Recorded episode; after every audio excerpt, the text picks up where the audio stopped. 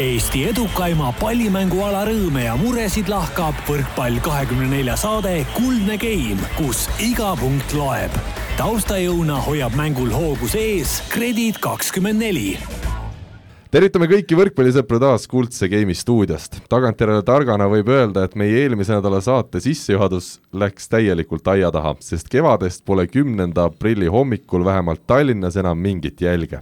maas on üle pika aja taas valget värvi ollus ja ometi on läbi lume sahiseva ikkagi täna teie stuudiosse leidnud üles lisaks Karin Aldole ka Uku Ruumi. Uku, kuhu sa Rivo Vesiku seekord jätsid?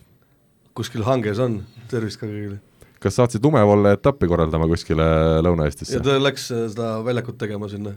no nii, kas sa tead, Uku, et äh, meie eelmist saadet, äh, kus meil olid külas Mart Tiisaar ja Kusti Nõlvak, kuulati üle kuue tuhande korra, ehk siis üle kolme korra rohkem kui kõiki eelnevaid saateid.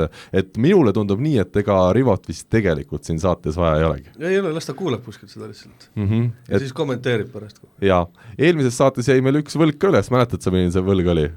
mis see oli? See oli see, et mina tegin luuletuse ja sina pidid seekord tantsunumbriga üles esinema. nii, kolm-neli ja, ja läks. hästi. opa, korras. suhteliselt staatiline liigutus aga oleme rahul ja oleme otsustanud siis eelmise nädala edulainel jätkata sarnase mudeliga, ehk kutsusime ka täna külalistena stuudiosse kaks meest. mis neid seob? esmalt seob neid väga tihedalt see, et nad mõlemad on tänavu kevadel hüppeligese vigastusega rõõmude hüppeliigese vigastuse rõõmude ja muredega tutvust teinud, aga teiseks, tegu on Rakvere võrkpalliklubi liidritega. tere tulemast saatesse, universaalne mängumees Andris Õunpuu ja mitte nii universaalne diagonaalründaja Taavi Nõmmistu. hommik! tervist! no olete jõudnud seda saadet ise ka kuulata või ikkagi arvestades seda, milline on see Rakvere, Rakvere meeskonna töömudel, siis ega töö ja võrkpalli kõrvalt äh, aega selliseks jamaks ei jää? no siin mingi aeg vaatasin jah, et mingid podcast'id ilmuvad ja, ja hakkasin kuulama seal mängule ja mängult sõitude ajal ja, ja täitsa kuulatav, ütleme nii, et sealt tuleb nii nalja kui nii-öelda asjalikku ka, et ja no täna asjalikku ma ütlen kohe ära, väga palju ei ole tulemas. seda küll. sest see sõltub paljuski saatekülalistest Taavi, kuidas sinul lapse ja, ja võrkpallimängu kõrvalt äh, aega jääb kõigeks muuks? Äh, mina just tahtsin ka öelda, et Rakveres minul kui ainult võrkpalluril jääb aega küll, et, et ma olen kõik saated ilusti ära kuulanud ja mm -hmm. ja, ja nii palju vaba aega ei ole, kaks korda ikka pole kuulanud ühte saadet? ei, no seal nii palju ka kuulata ei ole Taavi, kuidas on üldse nii juhtunud, et sina oled nii-öelda ikkagi ainult võrkpalli mängimas töö mõistes, et sul kolleegid ümber äh, teevad üheksast viieni ja Andris teeb veel üheksast seitsmeni tihti ja ja jõuavad trenni, aga sina oled kuidagi väga priviligeeritud äh, staatuses, kas sa lepid äh, nii-öelda väga väikese palgaga või, või, või kuidagi ma just tahtsin öelda, et talle vist makstakse just nii hästi ilmselt võib-olla. ja, ja vastupidi, ma saan jah, mängimise eest ikkagi oma kätte, et mul ei ole vaja siin rohkem sipelda. tegelikult jah, ma ikkagi olen üritanud nii palju kui võimalik seda enda jaoks nii hoida, et kui ma teen ühte asja, siis ma üritan seda korralikult teha ja ja mis sa saad, see aasta tegelikult on tulnud juba mõte, kuna neid treeningtunde ei ole võib-olla nii palju kui siin teistes professionaalsemates klubides, et ehk peaks ja, ja saaks midagi kõrvalt teha. aga, aga hooaja keskel ma nagu ei hakanud seda mudelit muutma, et, et olen praegu ainult võrkpalli peal, jah kuidas teie kahekesi seda meeskonda nagu kirjeldaksite, kas see on pool amatöörvõistkond, pool professionaalne võistkond, kuidas nagu seest vaadates tundub ja, ja olles siis, te mõlemad olete ju mänginud ka ütleme, märksa tõsisemalt võetamates klubides? mitte mingis halvas mõttes, vaid puhtalt selles suhtes, kus trenni tehakse rohkem. ebaprofessionaalne võistkond, saatejuht eks äh, eesmärk ikka, no miks, miks nagu see hooaeg sai ikkagi nagu pingutatud, et see suhtumine peaks olema professionaalne me oleme püüdnud seda nii-öelda nii palju, kui suudame hoida ja, ja treeningkavad saadetakse meile nii jõusaali kui ka, kui ka nii-öelda pall on meil iga päev ilusti paberile märgitud, et ja datat saame, teeme, vaatame videot, et et suhtumine on professionaalne, iseani, kui palju me seda teeme, et võiks, ma arvan, ka rohkem teha, et aga või mis Taavi arvab? No jah, nii ja naa, ütlen, et kuna kuna enamus võistkonnast on kas töömehed või õpilased, siis selge on see, et me ei saa koormust hoida sellisena, nagu, nagu on Tartu, Pärnu või Saaremaa. aga hooaja eesmärk on ikkagi kogu aeg olnud, et äh, just neid võita, ehk siis kui me tahame neid võita, siis me, siis me peame ka nendele sarnaselt professionaalselt seda asja ajama. ja noh, kas me seda suutnud oleme või mitte, et see on juba võib-olla mõne teise saate Tartut võitnud ja Saaremaad võitnud ja jah, palju me nendega mänginud oleme ja, ja lõpuks siis saime ikkagi kätte nagu midagi, et selle, selle üle on hea meel tegelikult jah, et, et, et on võimalik, aga aga, aga jah, pikas jooksus ma ütlen, et nüüd, kui see, kui see medal tuleks, siis, siis oleks päris tore, aga aga hooaja keskel tundus küll, et, et, et ei kujuta ette, kuidas, kuidas nendega nagu mängima peaks, et, et põhiturniir tegelikult päris pikk ja ja ühtegi tugevamatest me tegelikult ei võitnud ju, et et, et see tegi, see tegi natuke meele mõrudaks. aga olge hea, rääkige sellest, milline see treeningplaan või süsteem teil ütleme nädalas siis on, võrreldes nende Eesti tugevamate klubidega, et milline see vahe treenituse osas on?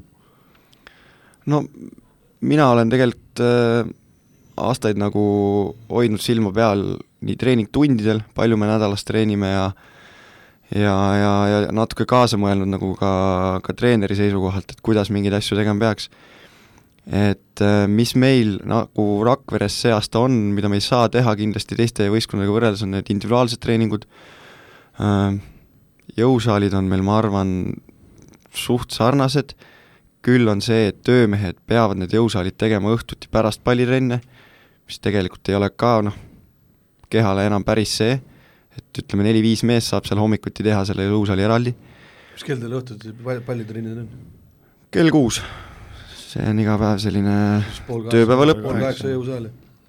just, ma et, sain et esimese tööpoole sain nii-öelda, nii-öelda aasta hooaja sain äh, hommikuti käia, aga nüüd on, nüüd on see nii-öelda töö ja, töö ja lapsed siin võtavad selle vaba aja kõik ära, et nüüd ma olen suhteliselt äh, pidanud ka õhtuti ja, ja nii-öelda vabadel päevadel käima, et äh, lapsed lähevad ujuma emaga ja ise lähen jõusaali ja, ja kuidagi tuleb läbi ajada, et see, et see nii-öelda mm, vormikõver üleval hoida endal, et et äh, nii ta meil käib seal. Andres, ütle, mis sind hoiab võrkpalli juures nii tõsiselt seda võrkpalli tegemas, on see lihtsalt siis nii suur armastus selle ala vastu? no kindlasti ka see mõnes mõttes on see, et äh, et äh, hoiab nii-öelda vahel, seda ei oska muud ka teha, kala kätte ei saa merest ja et äh, aga aga pigem on see, et see vaheldus on minu jaoks iga-aastaselt olnud nagu positiivne, et kontoritöö vahelduseks äh, füüsiline selline äh, nii-öelda nii-öelda noort, noorte. poistega maadlemine seal, võitlemine palli pärast, mitte maadlemine, no Uku on meil maadleja, selles suhtes Jah. väga õige sõnavara. õige, õige. et noh, on maadeldud ka muidugi, aga, aga et see hoiab ennast nagu noorena hingena, kõhu hoiab ka nagu kontrolli all, et ei vaju üle püksi ääre ja, ja sellepärast ma nagu seda asja teen ka põhimõtteliselt. kuidas pere suhtub äh, teie spordi tegemisse, küsimus mõlemale? mul innustavad tagant veel, et äh, noored tütred tulemas, et tahavad, peavad nägema, et näe, isi oli sportlane kunagi ja nii, nii mulle öeldi, et tee nii kaua, kuni tervis kannatab, et ega teinekord on, ütle ausalt, on hea ka kodust nädalavahetusel ära saada ka. hetkel küll, need on seal noored äh, pätid mul seal kodus, et las ema tegeleb. Taavi, kuidas sul on? ma arvan, et mul on see ka nagu selles mõttes toetav, et et ma arvan, naisel on ka hea meel, kui, kui mul päris palju nagu vaba aega on, et, et, kui treeningtunde tuleb nädalas selline kakskümmend, võib-olla kakskümmend viis koos mängudega, jah, vahepeal, vahepeal käid mängudel, sõidad ära, oled paar päeva ära, aga aga üldiselt oled ikkagi rohkem kodus, et, et kuna väike laps on ka, siis siis enamust päevast saad sa tegelikult kodus olla ja toeks, et see on, ma arvan, päris, päris hea variant ja see see on ka üks suuri põhjuseid, miks ma olen üritanud seda võrkpalli nii kaua mängida, kui vähegi võimalik, et äh, tööd jõuab terve ülejäänud elu teha, aga niikaua, kui mul veel jalad peaaegu terved on all siis ja liiguvad, siis, siis ma ikka üritaks mängida. väga hästi öeldud, tippsportlased omaded peaaegu terved aga vahepeal klaarime ühe asja ära, Andris, Eestis on kaks võrkpallurit, kelle hüüdnimi on Jull. Julia Mõnnaku meelest me saame kõik aru, miks see hüüdnimi on Jull. Andris Õunpuust, mina ei ole siiani aru saanud, kust see, kust see hüüdnimi tuleb, oskad sa seda ise see on mingi, selgitada? see on mingi, see on mingi Saaremaa värk, ma korra segan lihtsalt vahele, et kunagi oli selline sidemängija Karel Ellermaa, tema hüüdnimi oli Jahu, noh, kust kohast nagu? Äh, Jull on tegelikult Audentese aegadest äh, kirjutasin üks aasta referaadi Julius Caesari kohta ja ja siis üks, mis ta mis nimi oli, Toomas Jõevee oli vist see nii-öelda mul kas ta nüüd päris toanaaber ei olnud, aga kuskil lähedal seal juhtus seda lugema, ütles, et noh, näe, hea, hea materjal ja kuidagi jäi see Jull sealt nagu külge ja, ja alguses oli Julius ja siis pärast Jull ja noh, nii ta on kuidagi jäänud, jah. no ja sa oled ise, ise rahul sellega? no ei jää midagi üle. mis mul üle jääb, ega mina ennast ei kutsu mina muidugi oleks Caesar pannud, oleks vähe ilusamini kõlanud, aga, aga Jull on samas, ma saan aru, et see on, kõik on omaks võtnud ja, ja tuleb leppida no jah, ma olen, mina olen rahul. entusiastlik ta ei ole, et hakkab aitama, vanus on kolmkümmend viis, mis kuradi jull enam nüüd võiks selle Caesari osa võtta nagu kasutusele vähe kogenum juba. aga öelge, ikkagi te olete Rakvere meeskonnas mängimas, Andris juba nii palju aastaid, et ei jõua väga kokkugi lugeda, et mis teid sellesse meeskonna, mis teid sellesse meeskonda on toonud ja mis on selle võistkonna võlud jälle võrreldes teiste Eesti klubidega, on, oskate midagi sellist huvitavat või head välja tuua?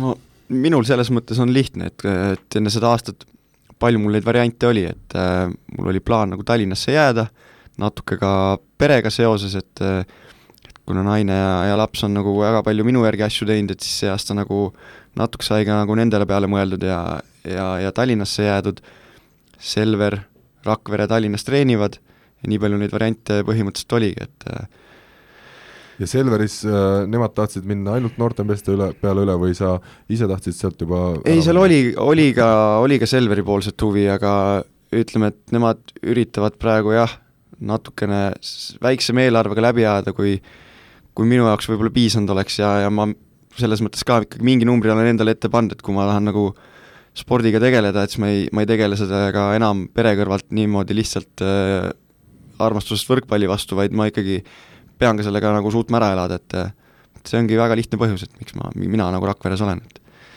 Andrisel on teised põhjused?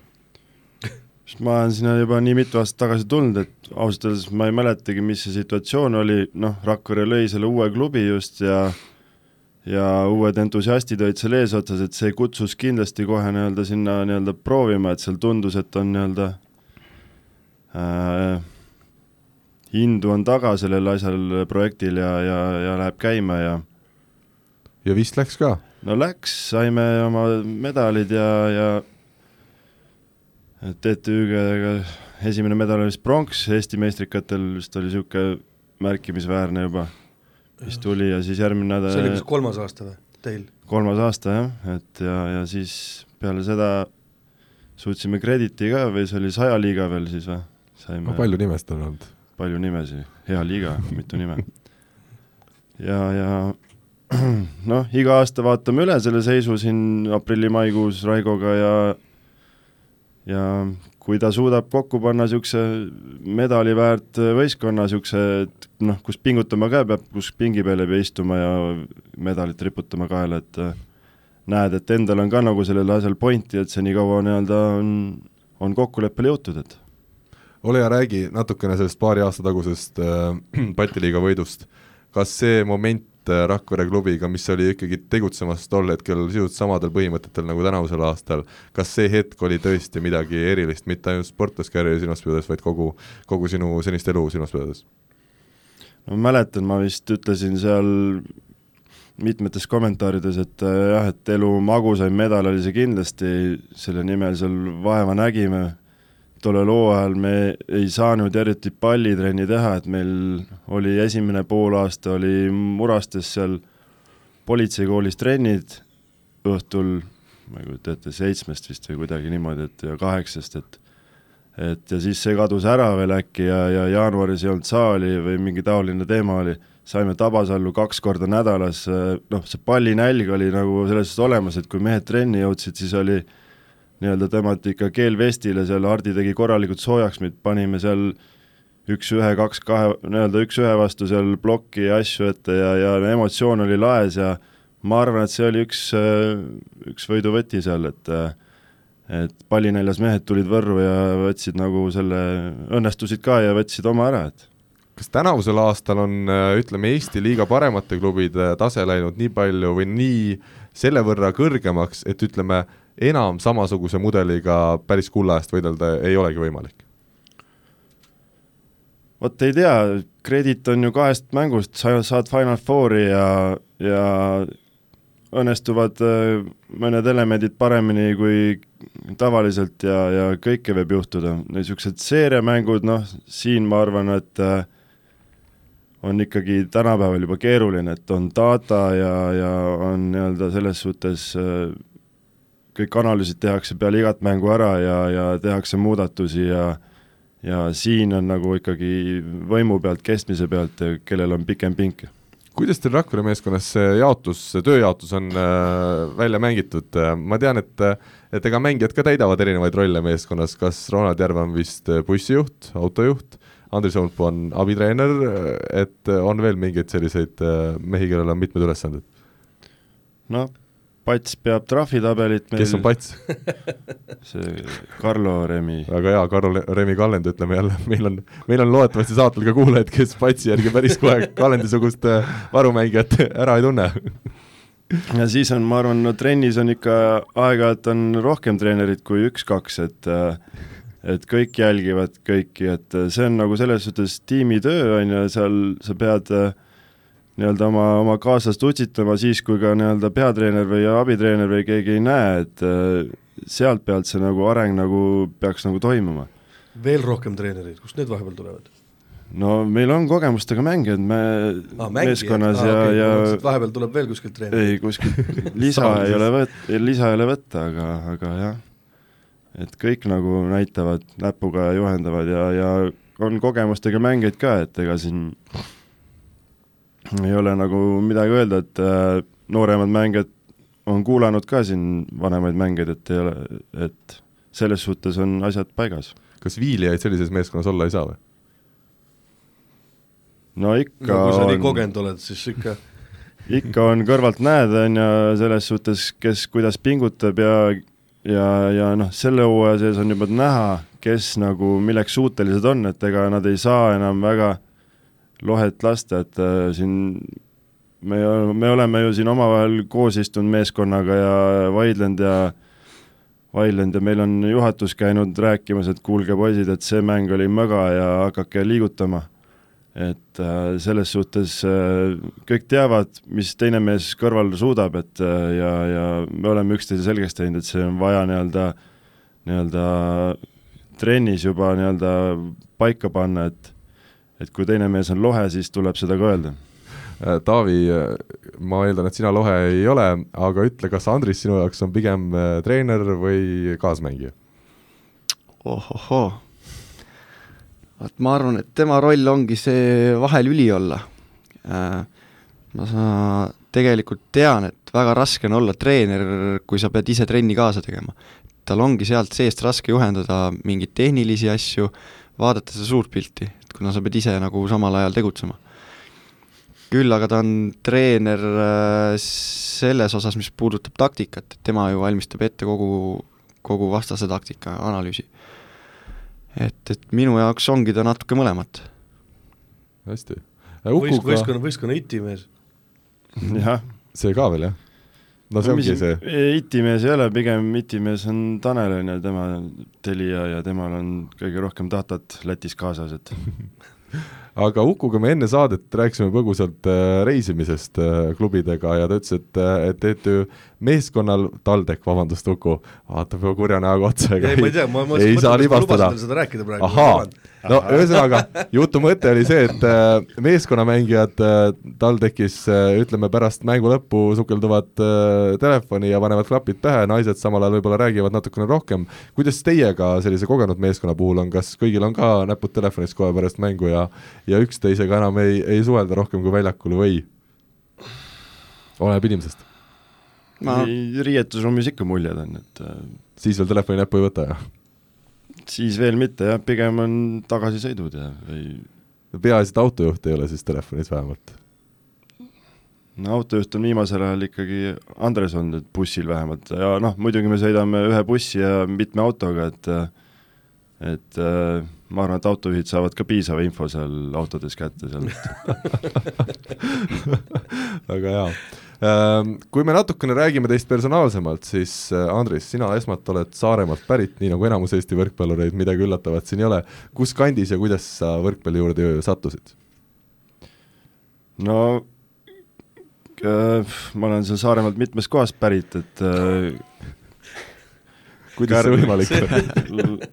no raske öelda, sündisin Kuressaares, lasteaias käisin Kärlal, siis edasi Kihelkonnal käisin koolis, seal põhimõtteliselt tegime paar korda nädalas äh, pallitrenni seal korvpalli ja võrkpalli ja ja siis käis Brass seal laagris oma noortega ja siis äh, tegime seal kohalikega nende poistele tuule alla ja siis ta ütles, et kuule, et, kui, et kui tagaliinis vastu võtad, et siis etteliini ründama tulla ei tohi ikka, et ja mõtlesin ahah, et aga muidu, et tore poiss, et proovi, tule Tallinnasse sinna spordigümnaasiumisse ja ja nõnda läkski? nõnda läks.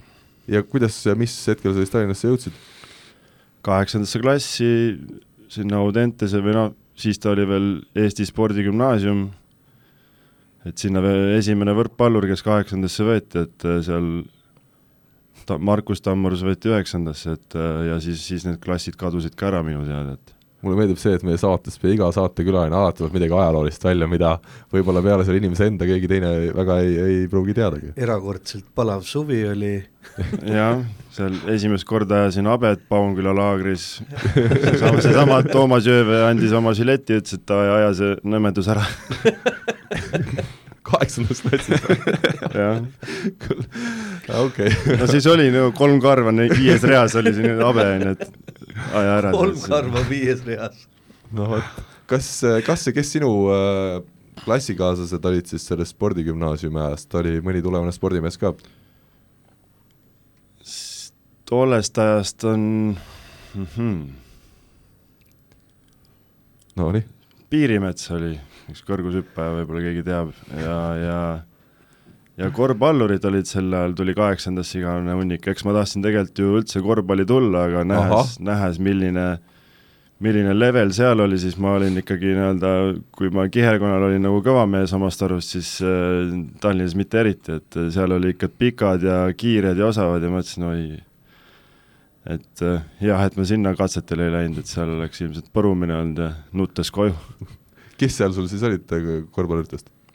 no Arbet oli sellel ajal, vist see tuli muidugi hiljem, seal olid need äh, minu eakaaslased olid, kas ma nüüd mõtlen? no näed. vot, vot, ei tulegi meelde. no Arbet oli vähemalt, nii palju saime teada. jaa. okei okay., aga Taavi, vahepeal sinu juurde, Põltsamaalt pärit.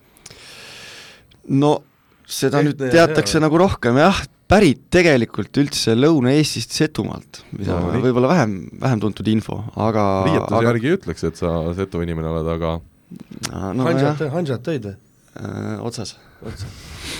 aga aga jah, niisuguse kooliaja ikkagi juba Põltsamaal elanud ja, ja võrkpalliteed nagu seal alustanud, jah. ja kuidas sina selle ala juurde sattusid, oli mingi huvitav lugu ka?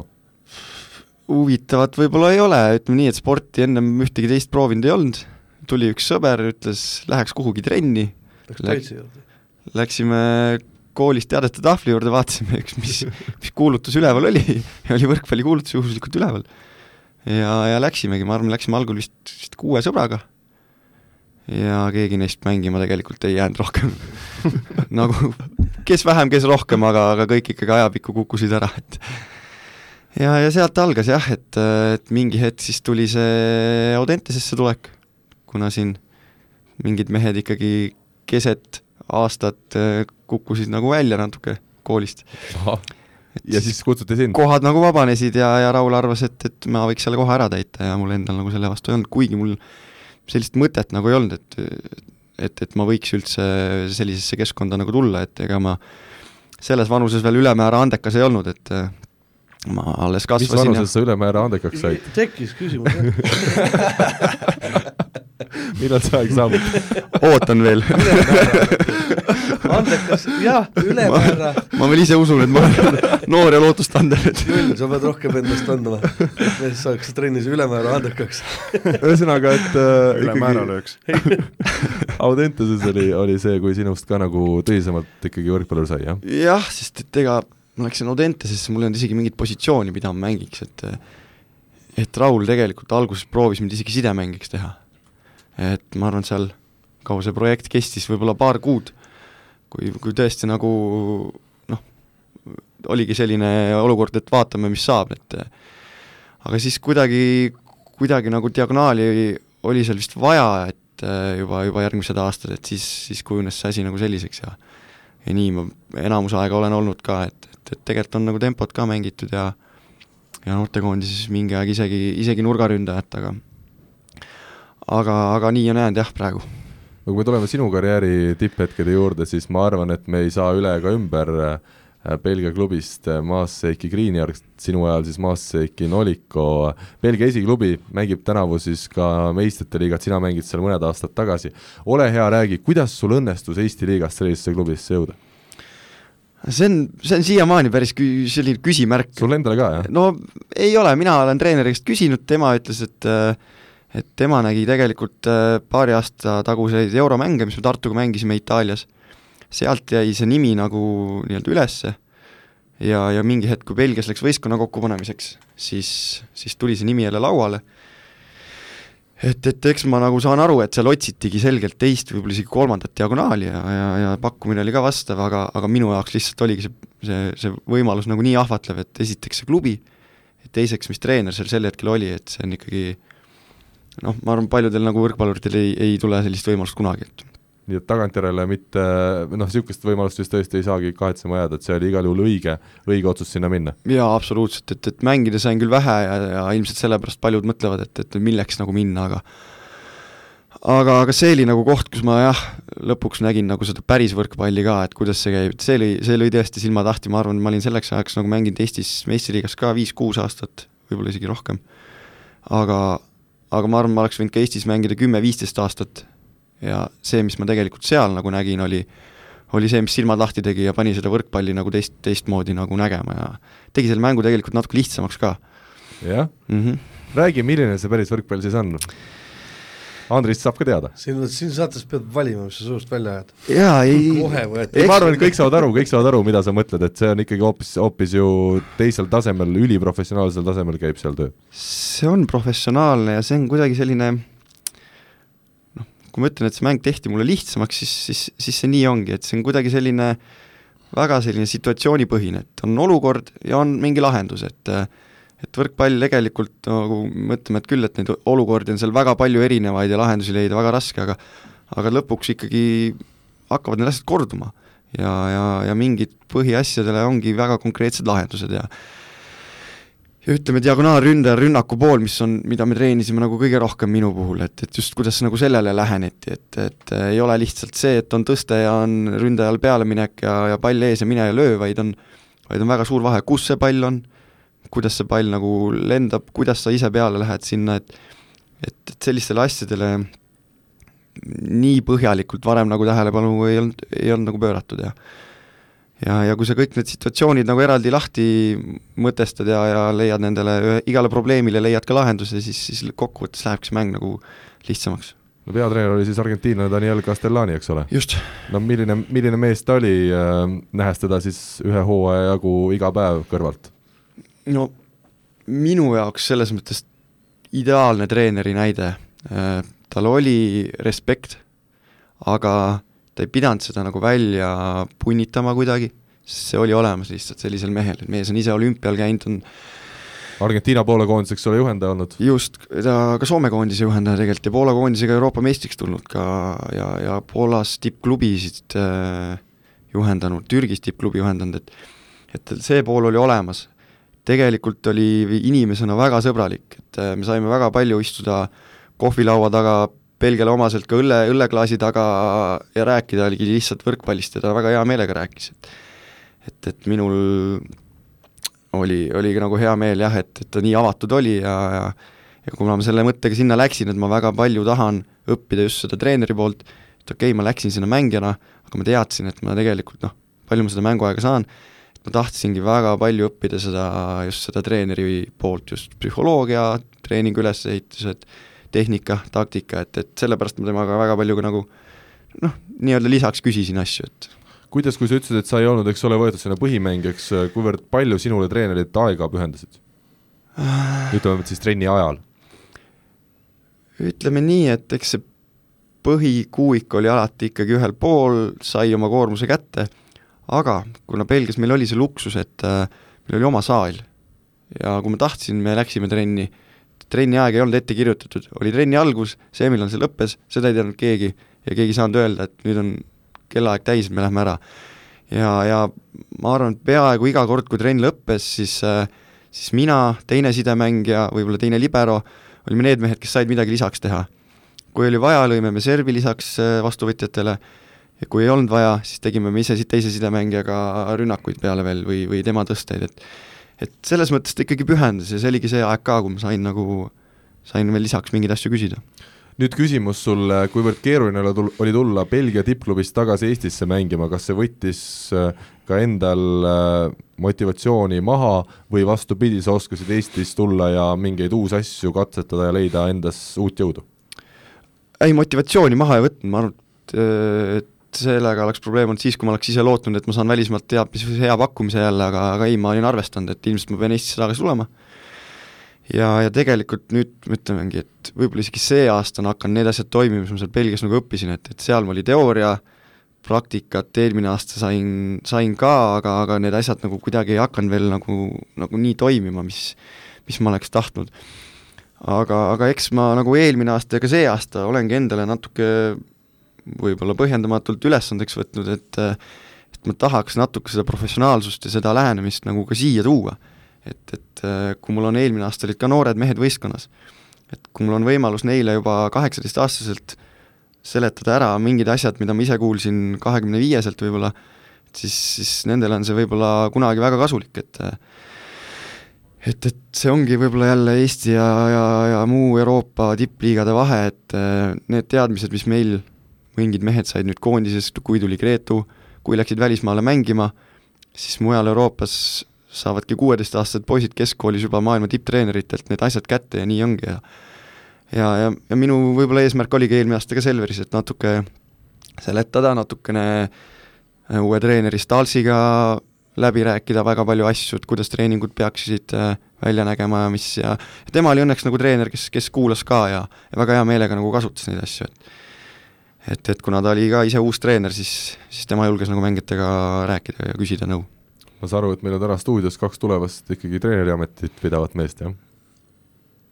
no mina välistanud ei ole, selles mõttes kunagi ei tea, mis see elu ette toob, ma olen varem ka mingeid asju planeerinud, kus ma elan või kuhu ma kolin ja ei ole päris nii need asjad läinud, aga aga, aga ma arvan küll, et praegu nagu mulle meeldiks seda teha, kas see võimalus tuleb, ma ei tea, aga aga ma olen jah, pühendanud ikkagi viimased, ma arvan, kolm-neli aastat päris palju sellele nagu ka enda vaba aega, sest mind lihtsalt ka huvitab see, see pool. Andres, noh, tuleb jätkata. no mingi osa ma ju praegu teen, et äh, aga, aga ma olen nii paljude treenerite all nii-öelda seda võrkpalli õppinud ja, ja teinud, et äh, mul on sealt nii-öelda mingisugune pagas olemas ja, ja et, et kindlasti huvitaks, et kuidas saaks nagu mingisuguse pundi mängima nii-öelda, nii-öelda oma käe all nii-öelda üks-ühele, aga noh, neid pakkumisi on tulnud ka ja ma olen varem ära öelnud, et ma ei ole veel valmis, aga aga järjest sinnapoole kisub küll võib-olla. Uku, kas selle teema lõpetuseks veel mõni personaalne küsimus, midagi huvitavat? ei, siin, siin väga põhjalikult on kõik küsimustele vastatud. Väga hea.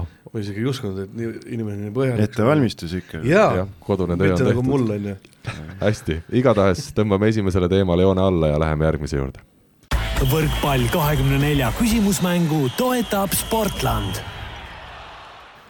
Nonii, Sportlandi küsimusmäng ja eelmisel nädalal siis uurisime, et Mart Tiisler ja Kusti Nõlvak pole rahvusvahelisel turniiril äh, osalenud siis ühegi teise paarilisega, aga on üks erand enne omavahelise koostöö alustamist osales Mart üliõpilaste MM-il koos ühe endise Eesti koondisega, kes kuulus muuhulgas ajaloolisse kahe tuhande üheksanda aasta EM-finaalturniiri meeskonda. kes on see endine Eesti koondislane, ma arvan, et siin vist äh, tänastes saatekülalistes küll äh, kahtlusi ei tekitanud, teate te, kes see oli? Jull, noh, ma ausalt öeldes alguses ei teadnud või noh, ei mõelnud ka, aga aga ma tean, et mina mängisin Tiisaarega ükskord ühte Estikat, aga aga rahvusvaheline. rahvusvahelisi ei ole mänginud jah, rannas. nii et vastus? Martti Rosenblatt. täpselt nii, kahe tuhande neljateistkümnendal aastal Portugalis siis koos Mart Tiisaarega tema just seitsmenda koha sai.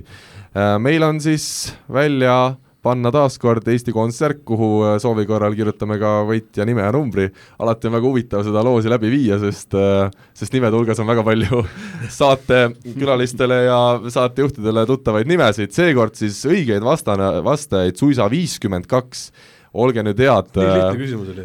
Andris ja, ja Taavi, öelge üks number ühest viiekümne kaheni. Andris ütleb kogenuma mehena. kakskümmend kuus kakskümmend kuus ja see on Kädi Pökler, nii et äh, palju ütle, palju õnne, ütleme Kädi Pöklerile, Eesti koondise särk on sinu, aga nüüd kõige parem osa sellest äh, tänasest saatest. ähm, on siis uue nädala küsimus ja loomulikult tänane kogenum saatekülaline on see, kelle kohta me küsime Andris Õunpuul õnnestus paar aastat tagasi Rakveres mängides müüa hea jutu põhjal maha oma tuhande üheksasaja kaheksakümne viienda aasta kuldsete velgedega kolmanda seeria BMW.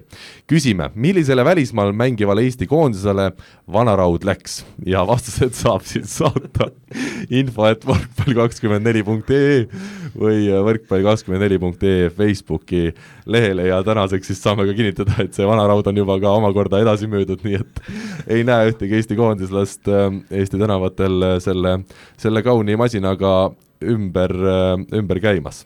Igatahes jääme ootama vastuseid ja, ja loodame, et, loodame, et see kunagi jõuab ringiga tagasi mõne koondislasele. loodame, hea asi ikkagi, me ei tohi kaduma minna. ma ostan selle kunagi ise ära, ma arvan igatahes võtame ette järgmise teema. Pahv lööb pahviks ehk nädala tegija nädala tegija, Pahv ennustusportaal seda rubriiki meil toetamas on ja Facebooki võrkpalligrupis siis hääletus toimus, kolmas koht eelmisel nädalal, Robert Täht mängis väga hästi Türgi liiga veerandfinaalseerias, tänu sellele kaksteist häält sai tema, teine koht äh, Soome meistriks esmakordselt tulnud Kertu Laak seitsmekümne seitsme häälega, aga nüüd Farfarid, ta-ta-ta-ta-ta, esimene koht ja ma arvan, et saatekülalistele väga meeldib see, see nimi, kes siin ette loeme, Alari Saar üheksakümmend üheksa häält ja meie mul siis nädala mul olid sama punnis silmad kui sul. nädala tegija, no mis me ütleme, Taavi ja Andris, kas on õige mees, kes eelmise nädala tegija auhinna, mitte auhinna, vaid nimetuse saab? mille, mille alusel see Alaril, ei, tubli poiss, aga ma mõtlen mille alusel? jaa, mis ta ei, inimesed hääletavad, vaatavad, mis ta väljakul teeb milline inimene muidu on ja, ja selle põhjal ega meil kriteeriumeid rohkem ei ole. palju õnne, Alari, palju õnne! ja ei, mina andsin ka hääle talle seal hääletusel selles no see on puhtalt äh, meeskonna vaimu.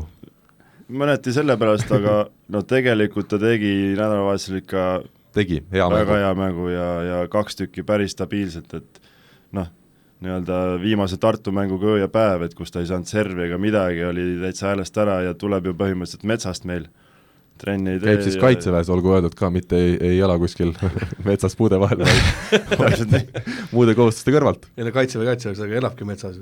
jah nii?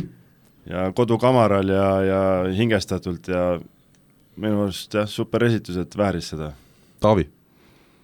jaa, ei, ma olen täitsa nõus, et tegigi väga hea mängu ja ja on ilmselt nagu väärt seda tunnustust ka, aga noh, tegelikult seal oli kõige parem oli ikkagi Taavi Nõmmistu, eks? oli ka see variant alati saab lisada tagantjärgi. Ei, et tegelikult ma ise tõstaks seal ikkagi veel võib-olla seda Kertu Laagi tiitlit ja, ja, ja Robbie poolfinaali jõudmist ka nagu esile ikkagi. kõik on kõvad asjad, ütleme jah. et, et jaa, Alari kindlasti aitas meil selle võiduni ja, ja see on see, mis Eesti publikul kogu aeg silmade ees on ja, ja, ja seda on ka tulemustest näha. no liberatest ei räägita võrkpallis paratamatult väga palju, sest nemad ju punkte ei too, teevad sellist musta tööd, mida tavainimene ei pruugi arugi saada, kui me nüüd Alarist räägime, kas tema puhul jääbki sellest, ütleme, Eesti koondise tasemest lahutama see stabiilsus, mida, mida Andres juba mainis, või on seal, on seal midagi muud? et kohati ta ju mängib väga, ütleme isegi efektselt äh, kaitses ja, ja efektiivselt.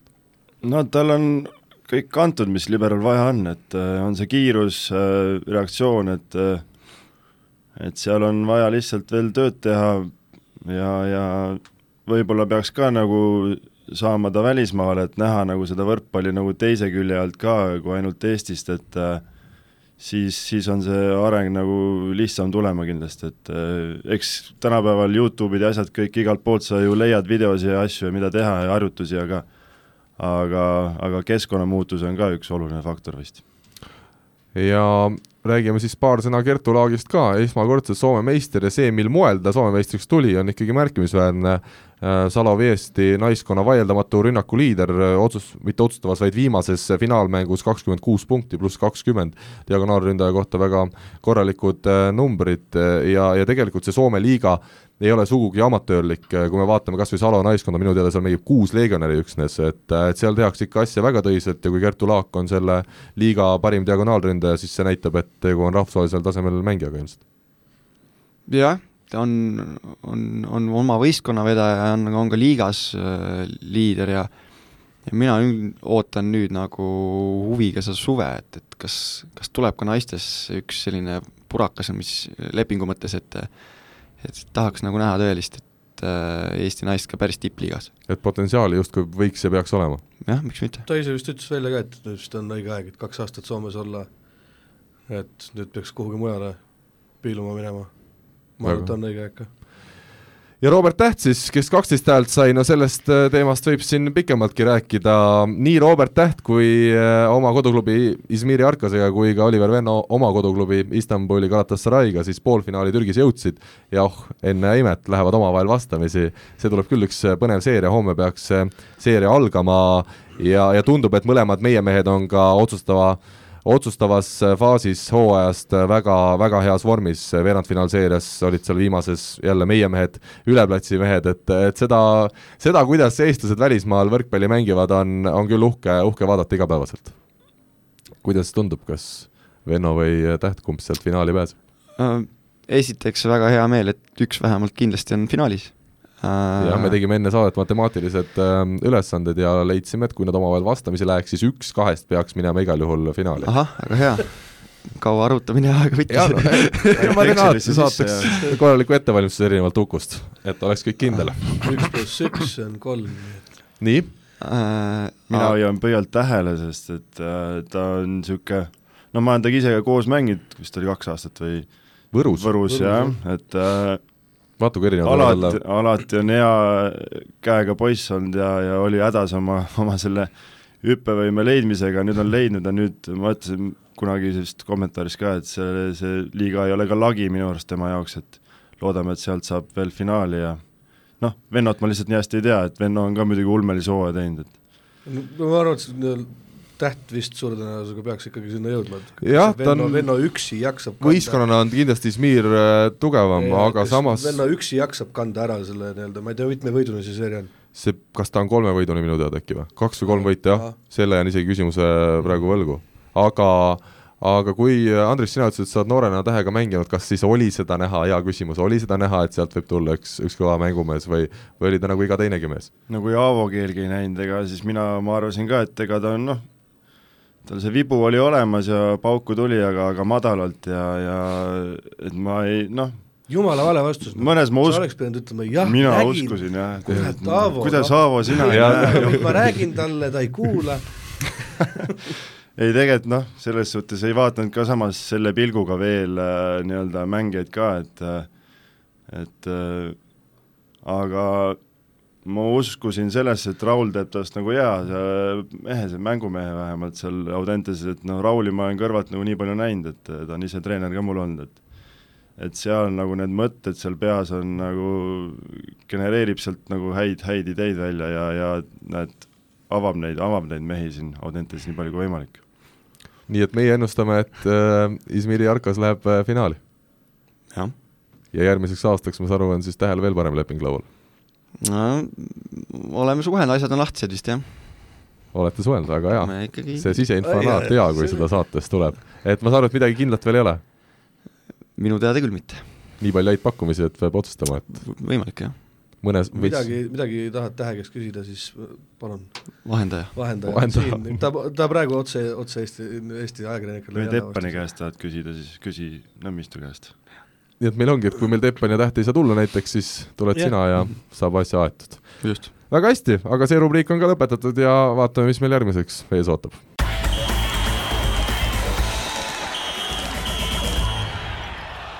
pronksi seeria Eesti meistrivõistlustel Rakvere-Saaremaa on ka üks asi, millest rääkida tuleb sel nädalal igal juhul.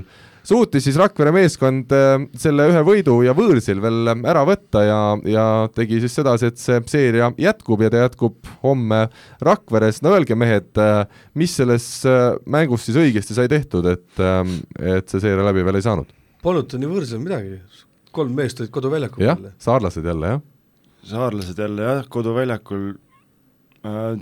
mis me tegime õieti, oli, et uskusime oma, oma nii-öelda plaani, mis me nagu enne mängu valmis sättisime ja, ja vigu oli vähem kui, kui teises mängus ja, ja kaitses saime hakkama ja paistis, et äh, Saaremaal oli juba kodumätetega seal välismaalased, et äh, piletid ostetud juba ja aga veskis laud kinni pandud. aga kui viienda peale läks, siis mul oli juba hea tunne, et seal paistis, et nendel oli see ne- ideed otsa saamas ja, ja seekord saime kätte, aga noh, midagi, midagi pole veel, et see seeria on veel ees loodetavasti. et homme läheb niikuinii, eks ole, teile ja siis on see otsustav viies mäng? no plaan on selline jah, et et see on treenerile ette näidatud, et nii peaks, nii peaks olema? no nii ta on meil tavaliselt läinud, et me ikka tuleme selg seina, seina vastu ja siis hakkame sealt välja ronima, et loodame, et seekord ikkagi saame medali ka kaela, et Tali ütles, et tal on katastroof, kui ei saa, on ju, medalit kaela, eks meil on ka katastroof, me tahame ka medalit saada, ega me siis niisama ei mängi siin. no Tali on praegu igas mõttes maas, et vaatad välja on maas ja, ja vaatad neid viimast mängu on täpselt samamoodi. aga kui me Saaremaa võistkonnast räägime, see on jälle huvitav küsimus, mida erinevate inimeste käest uurida.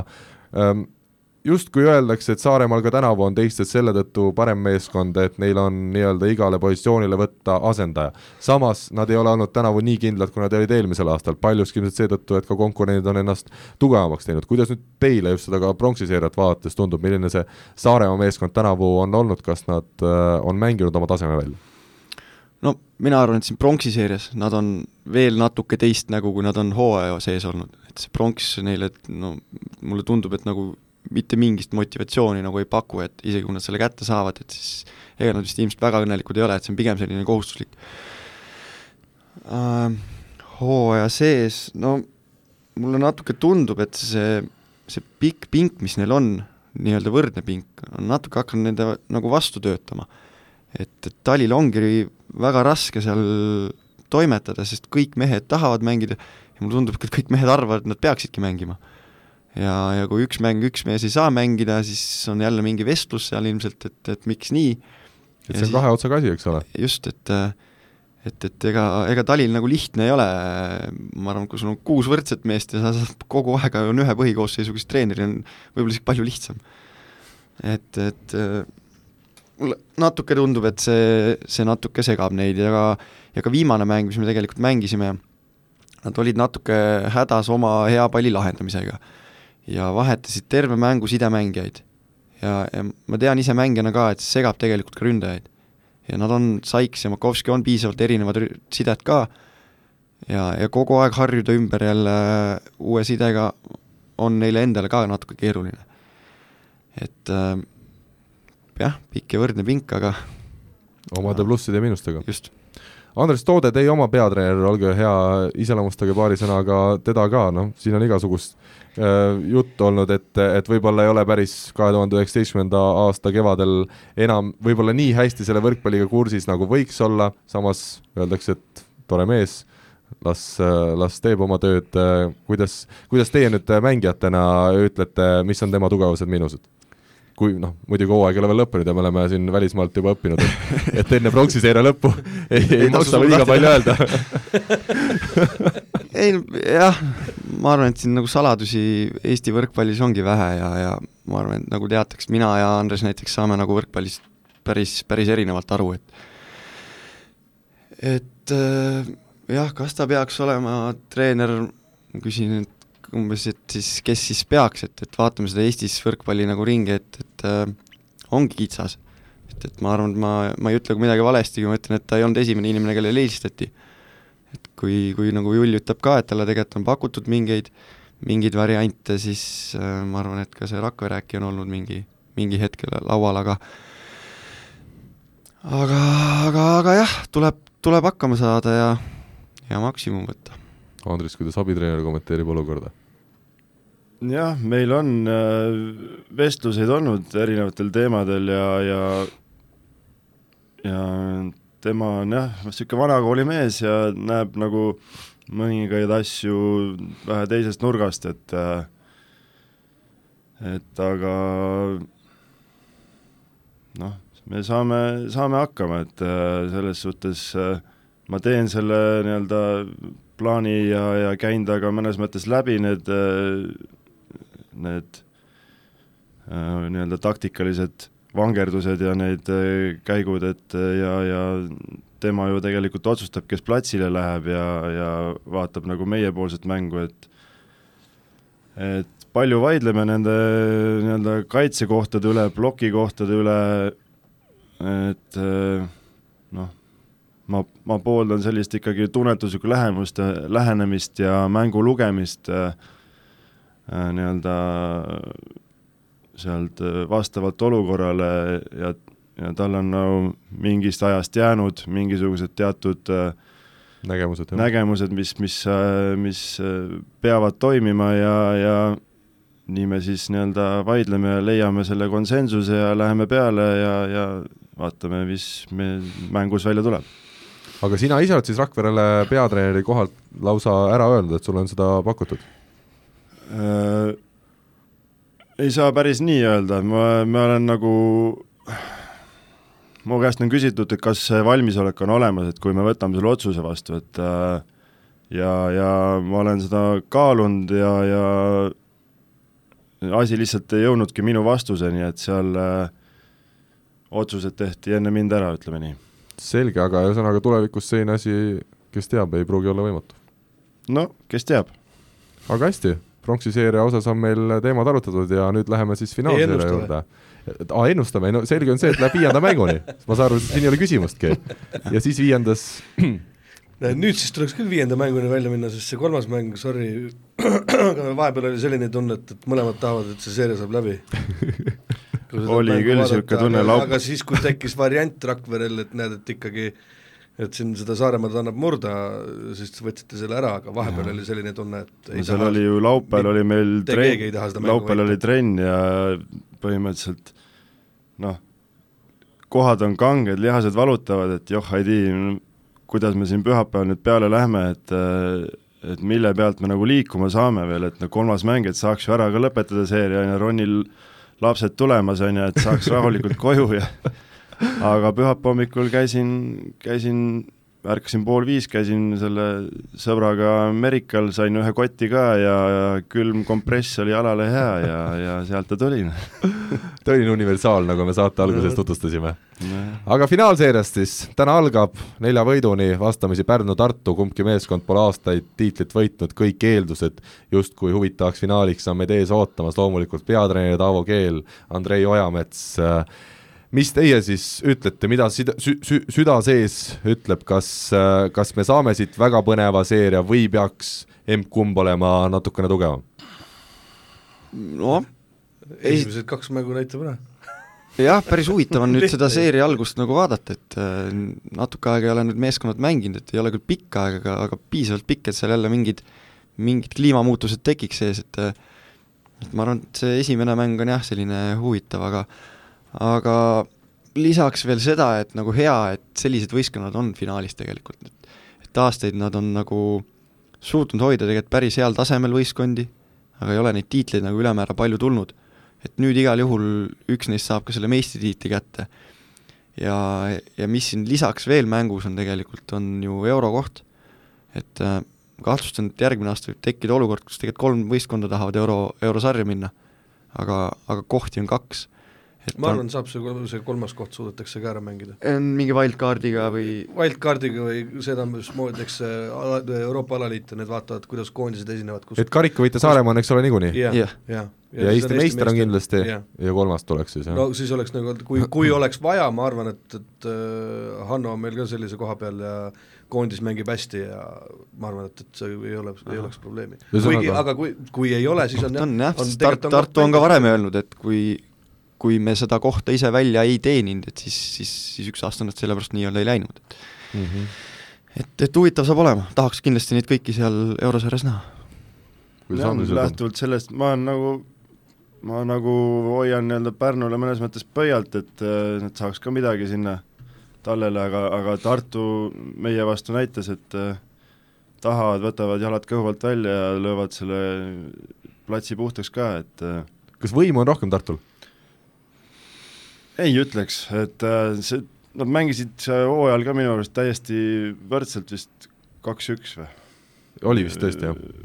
et äh, täiesti nii-öelda võrdsed võistkonnad ja kellel nüüd parasjagu see tahtmine on, et see, see tahtmine käis vist kuskilt artiklist ka läbi, et see on täiesti, täiesti õigustatud äh, öeldud, et äh, ja kes tahab, see saab.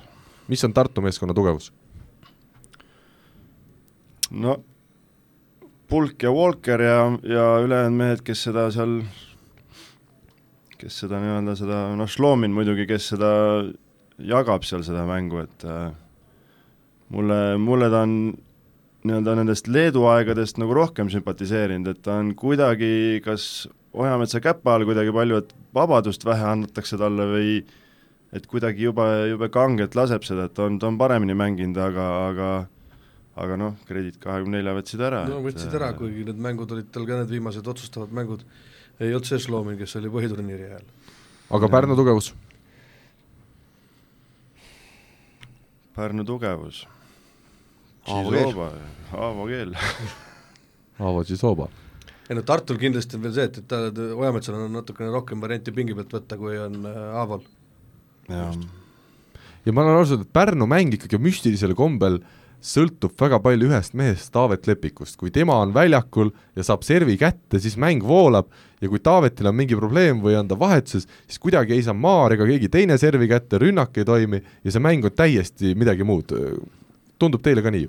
jah, nii on, sest et äh, Taavet on hea vastuvõtuga ja, ja need teised nurgad seal kindlasti tahaks keskenduda rohkem rünnakule ja kui Taavet seal kõrval on, siis, siis kindlasti on see asi seal loogilisem ja lihtsam vastuvõtuosakonnas. ma arvan, seal on isegi see, et piisab, et Taavet seal väljakul on, mitte et see, et, et kas ta selle servi hästi kätte saab või ei saa, lihtsalt see, et ta seal väljakul on, see on see, et rahustab teisi mehi, kes seal kõrval on, et näed, et, et kui ma ei saa, tule võtab Taavet ära.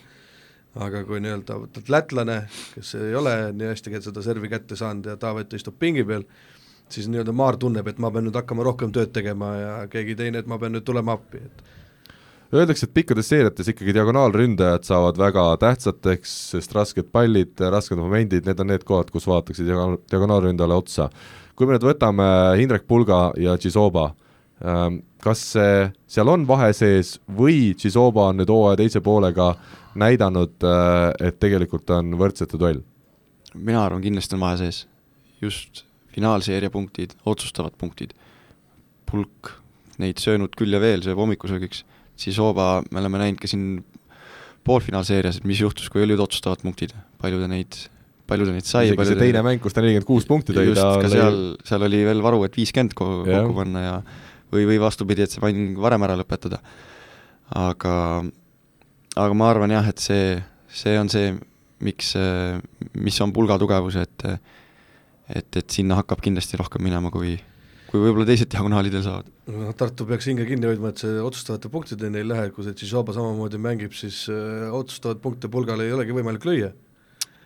Kah võimalik. teised peavad seal ennast liigutama hakkama väljakul, et aga meie saade hakkab vaikselt-vaikselt lõpule lähenema Äh, veel lühidalt, äh, Belhatov ja Rene Teppan siis esimese meistrite liiga poolfinaali Civitanova Lubele kaotasid null-kolm kodus, täna kolmapäeval on kordusmäng Itaalias, imet peame lootma, aga loomulikult hoiame pöidlaid pihus, loodetavasti pärast hooaja lõppu Rene Teppani saame ka kohe kiiresti siia stuudiosse, saame seda imelist äh, hooaega ka, ka stuudios temaga lähemalt arutada, kuigi meil on Taavi täna olemas ja ma saan aru, et me saaks need asjad aetud. jaa, ma arvan ka, et las Rene puhkab, aga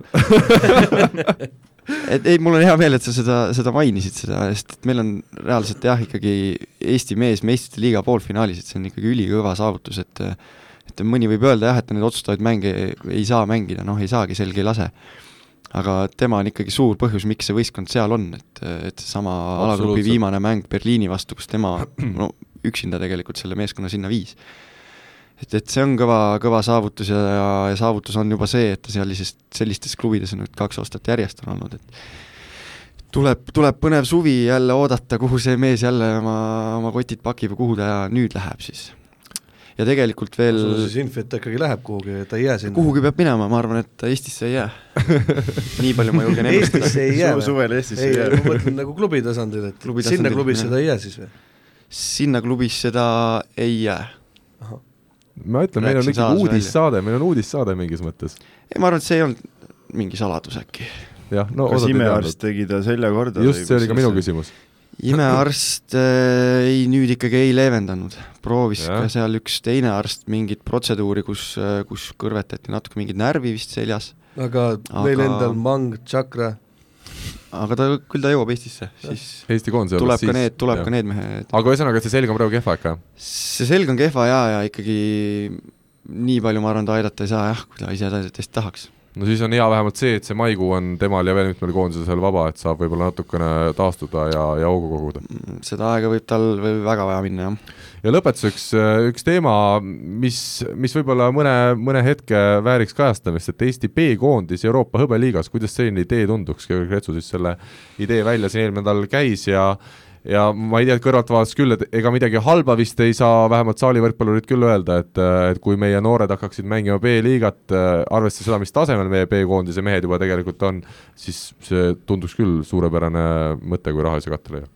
just, kahe käega poolt, et et sellest on nagu palju räägitud, et suvel tuleb hoida võimalikult palju võrkpallureid töös. just noori, just, noori. just, just noori, et, et selleks, selleks see B-koondis ongi, see ei ole lihtsalt B-koondis, et me võtame teise satsi pole B-koondist praegu.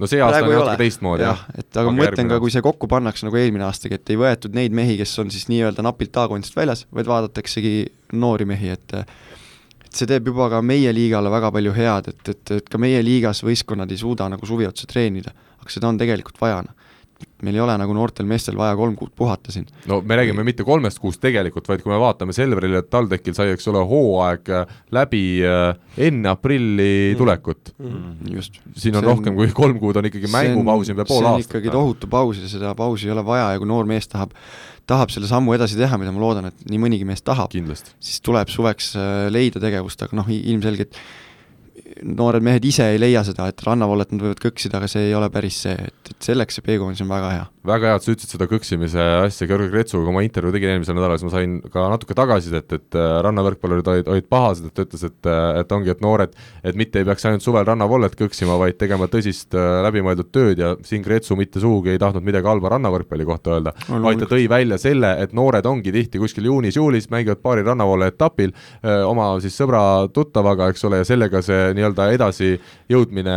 või, või arenemine piirdub, et tegelikult peaks olema siis ükskõik, kas rannas või saalis treenerid, kellel on läbimõeldud süsteem kogu selleks kevad-suveks, mil on nii-öelda vaba aeg ja, ja tuleb teha põhjalikku tööd, et just individuaalselt need mängijad edasi läheksid. just, ja just see saalis see pallipuudete arv, et äh, meil on siin hooaja sees ikkagi treeningkoormust äh, nagu raske nii suureks ajada, et me saaks nende noorte mängijatega individuaalset tööd teha ja areneda. suvi on selleks hea võimalus, aga, aga noh, paljud klubid ise suudaksid suvi otsa treenereid töös hoida, teha pallitrenne, et seda võimalust ei ole, et et kui Tartu aegadel oli Oliver Lüütsepp, ma tean, et tema ka pooldas seda väga, et suvel peab midagi tegema, tema otsis neid võimalusi, me alustasime alati hooaegasid varem tegelikult kui teised, aga, aga ülejäänud võistkonnas ma tean, see on keeruline, et õnneks Selver praegu ka ei ole päris ära lõpetanud, vaid äh, Aapur Antonen ikkagi tuli ka Soomest tagasi ja nad mingid trennid ikkagi teevad nad. alles üleeile nägin jah. Just. no ega meie omadki ei ole veel päris ära lõpetanud, et jaa, Mul on isegi- mai lõpus on selli mängudele minekut, mul isegi kutsetee treeningule, no näed siis. nii et äh, saab seda taset natuke alla viia hooaja lõpus. no aga ega siis mänedžer, kes, meil on ikka peatreenerite, kõige tähtsamad mängijad tulevad ikkagi peatreenerite kaudu. aga ma usun, sellest saame võib-olla kunagi hiljem rääkida, saate lõpetuseks mina vabandan eelmises saates öeldu pärast, ütlesin siis, tõin välja meie Teras Beachi rannahalli Tallinnas, aga jätsin mainimata, et meil on ju Nõo rannahall juba aastaid Tartumaal olnud, kus on ka rannavõrkpalli saanud läbi talve mängida ja sugugi mitte ei tahtnud ma neid inimesi vähem kiita, imelist tööd seal tehakse ja see, et see võimalus seal on olnud nii pikka aega ja juba palju varem kui meie pealinnas, siis ja te olete hästi tublid seal Lõuna-Eestis. ollakse tublid. Ja teine kutse tuli mulle siis ka juba, Karl Jaani kutsus sinna Nõo halli ka mängima üht turniiri, ma, ma paraku, mulle tundub, et Jaani ei adu, et ma ei ole väga tugev sellel alal, aga, aga ma võtan selle kutse kindlasti vastu ja, ja võta raadio kaasa taskuraadio kaasa siis on mingi kasu. igatahes mina tänan äh, Taavi nüüd. Nõmmistut ja Sõõruput, enne? no aga tänada võib ikka. Nüüd tuleb Uku siis lõpuminutid. lõpuminutid, mis tähtsad mängud igal pool, täna on pool seitse TalTechi spordijoones naiste viimane poolfinaal. naiste finalist on veel selgitamata, need Saaremaa ja TalTech Treidhaus. Aga kes, kellel igav on pool seitse, mis igav, olge saaline. ja täna on meistrite liigas teine poolfinaal, Perugia seniit, mis on no ikkagi võrkpalli ära ära praegu, praegu lõ- lõpetame. Ühesõnaga, võrkpall on- võta tahvel kaasa, tule TTÜ-sse ja vaata Jah. kahte mängu korraga. peab kombineerima, jah. ühesõnaga on, mida vaadata ja loodetavasti oli ka, mida kuulata, meie täname, soovime ilusat päeva jätku ja kohtume nädala pärast. Kuulmiseni. nägemist. Kuulmiseni. Eesti kõige põnevamad podcastid on Delfis, kuula tasku.delfi.ee